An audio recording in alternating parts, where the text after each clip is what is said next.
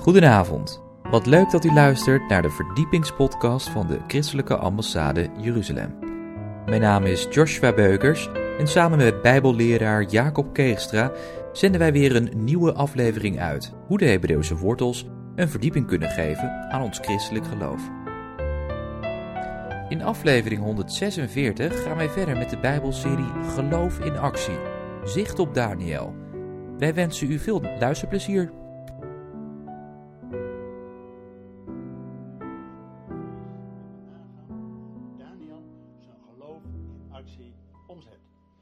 Welkom op een nieuwe lezing in de serie Geloof in actie. En ditmaal Daniel. Allereerst de situatie.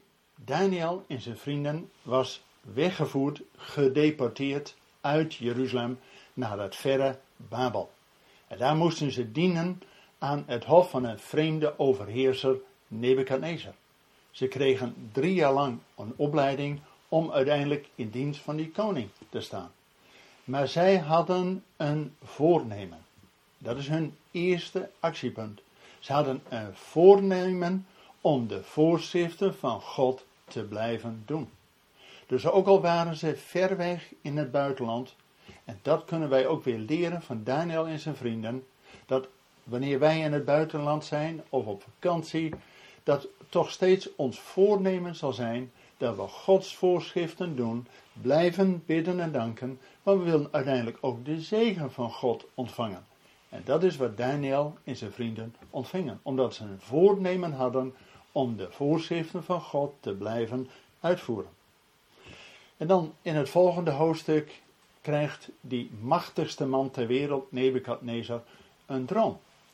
Maar die wil dat niet direct vertellen. Hij laat zijn magiërs en zijn wijzen oproepen en die moeten maar de droom vertellen. En dan vraagt Daniel tijd. Duidelijk als een tweede actiepunt, hij gaat voorbeden doen. En door het gebed dat God hem openbaart wat die droom van die machtigste man ter wereld is. Waarin eigenlijk God de toekomst ontvouwt. En dat was een groot beeld met een gouden hoofd, een zilveren borst, koperen lendenen en benen van ijzer en voeten van ijzer en leem. En dan mag Daniel de uitleg geven dat het een groot beeld is, eigenlijk ook uit één stuk, maar duidelijk met een gouden hoofd. Als Babel het gouden uh, koninkrijk wat als eerste zou regeren. Daarna het Perzische Rijk, wat van zilver. Daarna het Griekse Rijk, van koper. En daarna het Romeinse Rijk, van ijzer. En wellicht leven we nu in de tijd van het herstelde Romeinse Rijk, waarin Europa en het Midden-Oosten weer samenklonteren om eigenlijk een machtsfactor te worden. En wat ons opvalt in dat beeld, en wat Daniel ook mag doorgeven, dat het niet alleen die vier verschillende rijken zijn die we gewoon in de geschiedenis ook kunnen terugtraceren, maar uiteindelijk is het ook één beeld. Met dat Babylonische rijk aan het hoofd, en we weten dat dat een zeer occult gebeuren was. En dat zijpelt in wezen ook door naar al die volgende rijken. En ook dat hier in Europa met het Griekse en vervolgens het Romeinse Rijk, daar was de mens de maat van alles. En dat zien we al bij Nebukadnezar, die wil aanbeden worden als een god. Maar uiteindelijk valt dat beeld om door een steen die van de berg komt en daarmee symboliseert dat het koninkrijk van God de aarde zal vervullen. Maar duidelijk als actiepunt van Daniel dat hij voorbeden doet. En door gebed dat God hem openbaart wat de toekomst zal zijn. Dan in het volgende hoofdstuk krijgt hij Nebukadnezar weer, ja, niet alleen een droom, maar wil ook die eerste droom concreet maken. En maakt hij zelf een gouden beeld. Notabene van 60 L hoog en 6 L breed. Daarin zien we natuurlijk ook al zo'n getal van de mens van 666. Dat die Nebukadnezar, die wilde zelf aanbeden worden. Maar wat doen dan die drie vrienden van Daniel? Die blijven vertrouwen op God. Duidelijk als derde actiepunt, de derde V, dat zij blijven vertrouwen op God. Ja, wij kennen de afloop. Dat die vrienden door de oven heen en geen schrammetje was aan hen. Maar zij stonden ervoor. En ze hadden een beleidenis tegenover die machtigste man ter wereld. Die zeiden van, het zij u bekend, o koning. Dat wij uw beeld en uw afgoden niet gaan vereren. En onze God is in staat om ons uit die brandende oven te halen, maar zo niet. Het zij u bekend dat wij uw beeld niet aanbidden. Dus die vrienden van Daniel hadden duidelijk als een actiepunt het vertrouwen in God. Maar ze worden er wel in die oven gegooid. Ze moeten er wel doorheen. En ook is dat weer een les voor ons. Ook al hebben we vertrouwen in God. Ja, ondanks de situatie, we moeten er vaak wel doorheen. En pas daardoorheen dat de God van deze vrienden wordt aanbeden en God de eer krijgt. Maar wel door de diepte heen. En dan krijgt vervolgens die Nebukadnezar weer een droom. Van een grote boom die groot en sterk is, waar de vogels der hemelen in uh, ja, overnachten, de dieren van het veld een bescherming hebben. En ook Daniel mag deze droom weer uitleggen aan Nebukadnezar. Dat die grote boom is Nebukadnezar, groot en sterk. Maar de boom wordt afgehouden. En zeven jaar lang wordt die, ja, die koning eigenlijk uit zijn koningschap weggezet. Totdat hij gaat erkennen dat God de Allerhoogste is. En wat ik dan weer zo frappant vind, dat als Daniel dit mag toezeggen, aanzeggen aan Nebukadnezar, dat hij daar eerst wel naar luistert. Maar we lezen in de tekst, zodra een jaar voorbij was, dat Nebukadnezar op het dak van zijn paleis is daar in Babel en zegt, is dit niet het grote Babel wat ik gebouwd heb?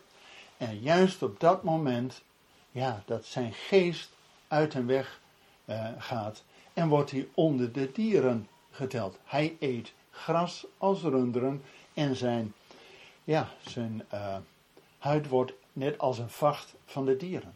Totdat er zeven seizoenen voorbij gaan en dat hij dan gaat erkennen dat God de schepper is van hemel en aarde. En notabene wordt hij dan terug hersteld in zijn koninklijke waardigheid. Krijgt zelfs nog meer eer en rijkdom, omdat we zien dat als wanneer hij de God van Israël zegent, dat ook God hem gaat zegenen. En als dan Nebukadnezar zijn tijd voorbij is en het koningschap overgaat aan zijn zoon Belshazzar, zien we dat Belshazzar ja ook weer een les moet leren. Hij gaat notabene het tempelgerei wat uit Jeruzalem ja, naar Babel is vervoerd, daar gaat hij met zijn machthebbers uitdrinken. En dat was hoogst verboden. Alleen de priesters mochten in de tempel het gouden gerei voor God gebruiken. En God gaat dan ook dat koningschap in één dag van Babel wegdoen. En we zien ook in de geschiedenis, kunnen we dat gewoon terugtraceren, dat die Persen, die waren eerst niet in staat om alleen die Babyloniërs te verslaan. Maar wat deden ze? Ze gingen met hun buurvolk, de Meden, een verbond aan. Verbond van Meden en Persen. En gezamenlijk waren ze sterk genoeg om Babel een les te leren. En ze gingen de Eufraat dichtgooien, een dam in opwerpen, zodat ze makkelijk die stad Babel konden innemen. En zo is Babel in één dag verwoest. Maar ook de omkering zien, we lezen ook dat in Jezaja wordt de vraag gesteld, kan een volk in één dag geboren worden? Ja, want dat zien we in 1948 dat God zijn volk Israël herstelt en op één dag, 14 mei 1948, dat de staat Israël weer ontstaan is. In één dag een wereldrijk vernietigd, maar ook in één dag een nieuwe staat ontstaan. En Als we dan verder gaan, als dan de meden en de persen het hebben overgenomen, dat Daniel ook aan het hof van die koningen van meden en de persen gaat dienen. Alleen, het is al net zo als in het rijk van Babylonië, dat ook in Perzië zijn de jaloerse mensen. Dat Daniel is eigenlijk de minister-president, ook in Perzië. En heb je jaloerse mensen die proberen Daniel uit zijn positie weg te krijgen. Maar ze kunnen eigenlijk niets tegen hem vinden. Daniel was toegewijd ook aan die nieuwe koning om het goede te zoeken voor dat land. Maar die jaloerse vrienden die zien één ding. En juist op het geloof van Daniel proberen ze hem te pakken. Ze weten dat Daniel gaat bidden richting Jeruzalem. Dus hebben ze een plan dat, en dat leggen ze aan die koning van Perzië voor, o koning, leven en eeuwigheid, dat er een maand lang alleen maar u aanbeden wordt. Nou, dat vindt die koning natuurlijk een geweldig plan, dus die laat dat als een wet van meden de Persen rondgaan. Maar Daniel blijft vertrouwen op God. Net zoals die drie vrienden, ook zien we dat Daniel, de V van vertrouwen. Hij blijft vertrouwen in God. En wij kennen de goede afloop, maar Daniel moest er wel doorheen. Want die jaloerse mensen zien dat Daniel gaat bidden tot God. En dat ze zijn ramen open heeft richting Jeruzalem. En Daniel moest er wel doorheen. Hij moest door die leeuwenkuil heen. En we weten dat God hem beschermd heeft. En dan de volgende dag dat die koning zegt: Daniel, heeft jouw God jou beschermd? Ja. En dan worden die jaloerse mannen in die leeuwenkuil geworpen. We kennen de afloop. Maar duidelijk voor ons weer die vee van vertrouwen, niet alleen van de vrienden, maar ook van Daniel. Ondanks de situatie. En ook al moesten ze er vaak doorheen, ze bleven vertrouwen op God. En dan een bijzonder gedeelte, dan zijn we al in Daniel 8 en 9 aangekomen, waar Daniel een droom krijgt. Over een ram en een geitenbok. En die symboliseren het Perzische Rijk en het Rijk van de Grieken. En dat het heiligdom zal vertrapt worden. 2300 avonden en morgens.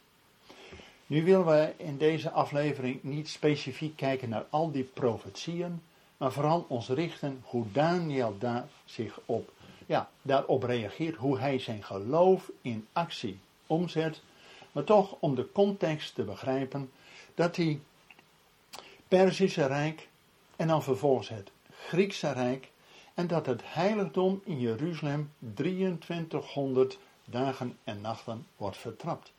En ook dat zien we in de geschiedenis terug.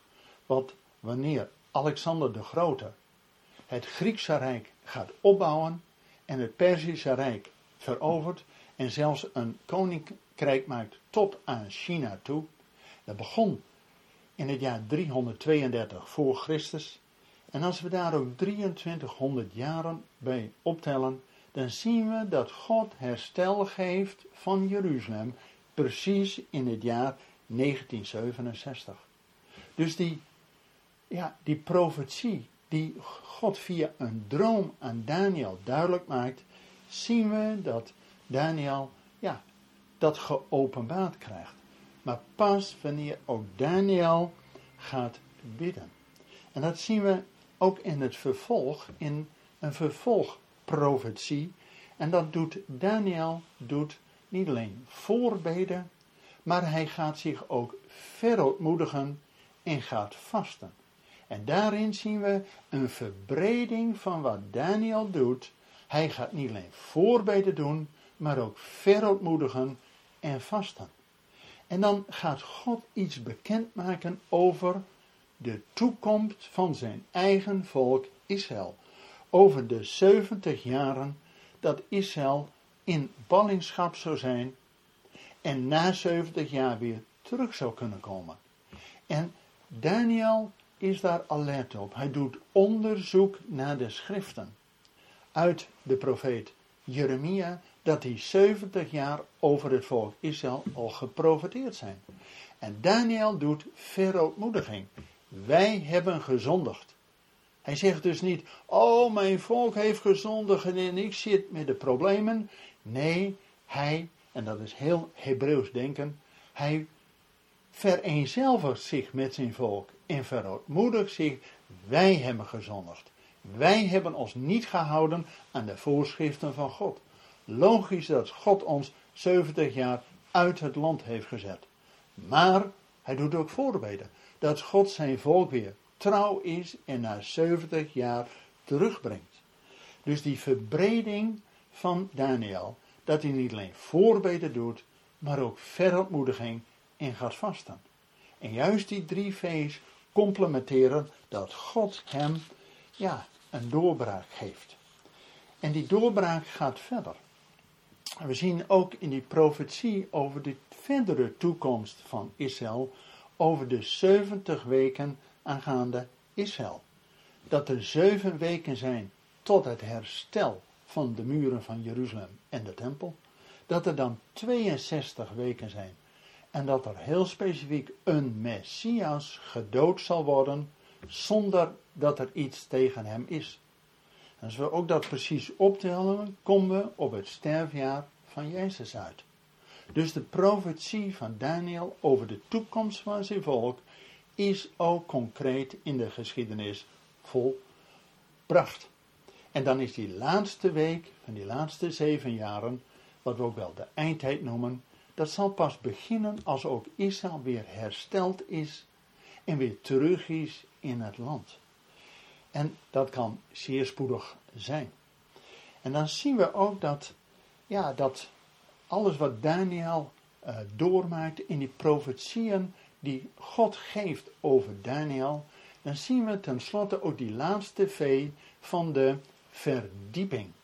Dat Daniel een verdieping heeft in die voorbeden, verontmoediging en vasten, totdat er een doorbraak komt. En er komt een doorbraak. En dat lezen we in Daniel hoofdstuk 10. Dat Daniel notabene drie weken aan het bidden, vasten, verontmoediging is. En dat de engel Gabriel van de troon van God kan doorbreken en een openbaring aan Daniel kan geven. En dat gaat ook over ja, die vorst van Perzië en daarna de vorst van Griekenland. Maar dat Michael de beschermengel van Israël, komt Gabriel te hulp. En daarin zien we heel duidelijk dat ook Daniel inzicht heeft in het geestelijke gebeuren. Want we weten dat er vanuit de Bijbel dat er drie hemelen zijn. De eerste hemel is alles wat wij zichtbaar om ons heen hebben. Zon, maan en sterren, de hele damkring is wat zichtbaar is. Dus de eerste hemel. Maar de Bijbel zegt ook, we hebben niet te strijden tegen vlees en bloed, tegen, maar tegen de overheden, de machten in de geestelijke gewesten. En dat is ook wel de tweede hemel. En daar moet Gabriel doorheen breken, want daar is die strijd gaande. Maar we weten ook dat een apostel Paulus werd in een visioen opgetrokken tot de derde hemel, waar de troon van God is. Dus in de Bijbel, er zijn drie hemelen. En de hoogste is de troon van God. En daar kan de Satan ons nu niet meer aanklagen. Maar die is gevallen in die hemelse gewesten. En daar probeert hij ons natuurlijk het leven zuur te maken. Dat wanneer er van de troon van God een openbaring komt, dan duurt het drie weken van voorbeden, vasten, verontmoediging van Daniel, totdat die doorbraak er is. Maar dat zien we ook dat wanneer die doorbraak er komt, dus die hele verdiepingslag die Daniel mag meebeleven, dat er werkelijk een geopende hemel is en dat God aangeeft hoe we mogen bidden. En juist ook voor ons als christelijke ambassade wil ik u meenemen naar een tekst wat in de Hebreeuwse Bijbel de laatste tekst is uit het Oude Testament, de Tenach. Er is notabene een koning waar Daniel ook nog onder gediend heeft, dat is koning Kores. En die heidense koning, die heeft een, ja, een zeer opmerkelijke ja, opdracht. En daar staat als slot van de Tenacht, zo zegt Kores. En dat lezen we in 2 Kronieken 36, vers 23. Zo zegt Kores, de koning van Perzië. Wie er onder u ook maar tot zijn volk behoort, de Heer, zij God, zij met hem, laat hij optrekken. Er staat in het Hebreeuws, hij maakt Alia. Dus dat notabene een heidense koning, die toen het beheer en het bewind had ook over Israël. Hij zegt, wie onder Israël ja, in staat is, hij maakt Alia.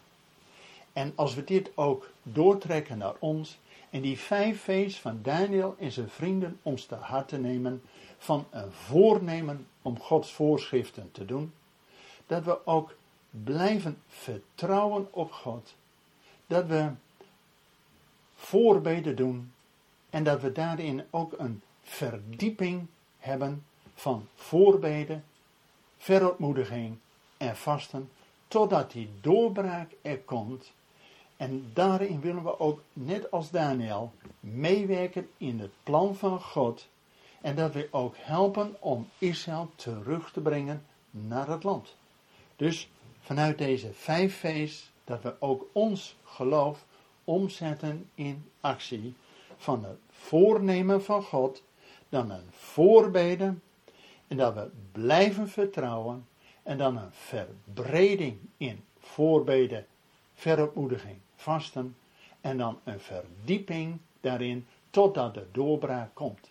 En vanuit dit geheel van deze vijf bijzondere feest werd Daniel en zijn vrienden ja, hun geloof in actie omgezet. En dat willen wij ook als christelijke ambassade doen. Dat we daarin ook Israël helpen om het koninkrijk van God te bouwen. Terug te keren naar Israël zodat we samen met Israël uitzien naar die grote dag, dat die Messias, die eenmaal gestorven is zonder dat er iets tegen hem is, een tweede maal zal komen tot ons heil.